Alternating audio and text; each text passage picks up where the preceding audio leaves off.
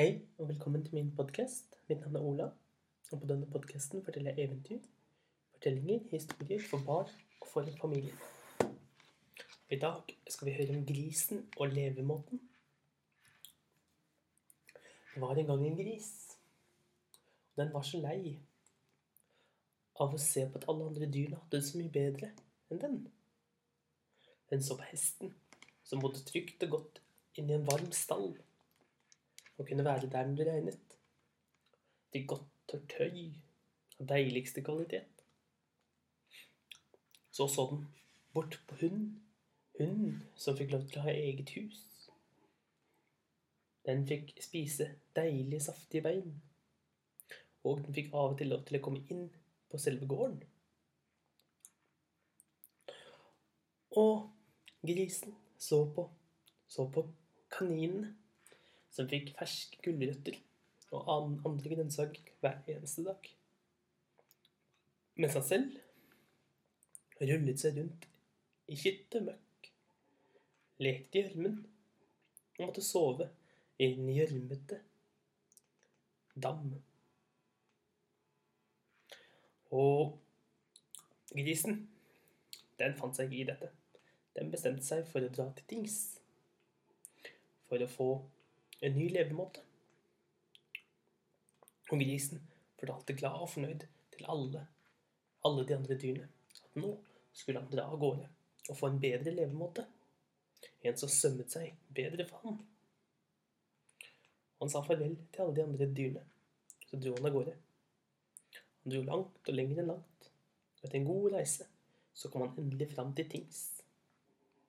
Og på tinget, der satt han som bestemte over hva alle dyrene og hvordan deres levemåte skulle være.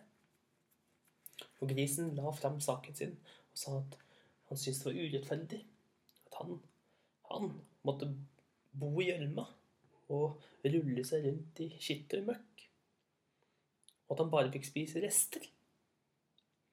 Det syntes ikke han var en fin levemåte. Han hadde lyst på nyen.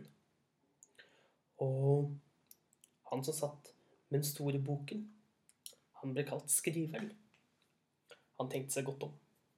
Ja, jeg skjønner godt at du syns at det er urettferdig. La meg lese litt i boken her og se om jeg kan tilby deg noe annet. Kanskje en bedre levemåte. Og han begynte til å lese og lese, og etter en stund så sa han til grisen. Jo, jeg har funnet en ny levemåte til deg. Du skal få lov til å Fra nå skal du få lov til å sove i silkeseng. Du skal få lov til å spise erter og hvete. Og grisen var så fornøyd. På hjemreisen så gikk den og sa høyt for seg selv. Hvete og erter og sove i silkeseng.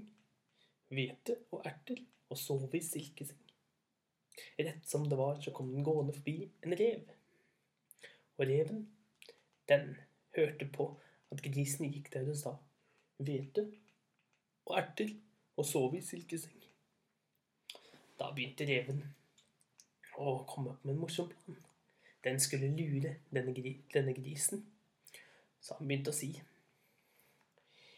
Smuler og erter og sove i silkeseng. Grisen fortsatte glad og fornøyd. Men etter en god stund så begynte den også å si etter. Og den sa også smuler og erter og sove i silkeseng. Da tok reven og forandret på videre og sa denne gangen smuler rester og sove i silkeseng.